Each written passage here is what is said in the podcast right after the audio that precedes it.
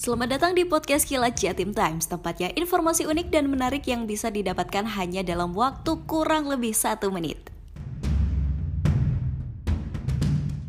Unit 4 Subdit Cyber di Treskrim Suspolda Jatim bongkar sindikat prostitusi online yang korbannya adalah anak di bawah umur. Korban berusia 14 tahun sampai 16 tahun. Untuk mendapatkan korban, tersangka merekrut beberapa anak di bawah umur untuk menjadi reseller, di mana rata-rata masih pelajar SMP dan SMA. Nantinya korban ditawarkan melalui media sosial WhatsApp dan juga Facebook.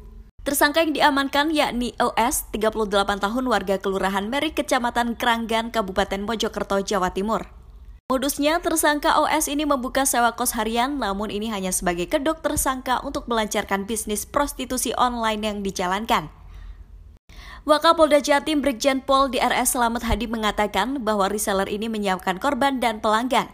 Mereka akan diberi bonus oleh tersangka OS jika mereka bisa mendapatkan korban. Kata Selamat, tersangka merekrut reseller anak di bawah umur karena akan lebih mudah mendapatkan korban. Tarif atau harga yang ditawarkan di prostitusi online ini sekitar Rp250.000 sampai Rp600.000 rupiah. Namun ada juga yang sampai 1 juta rupiah.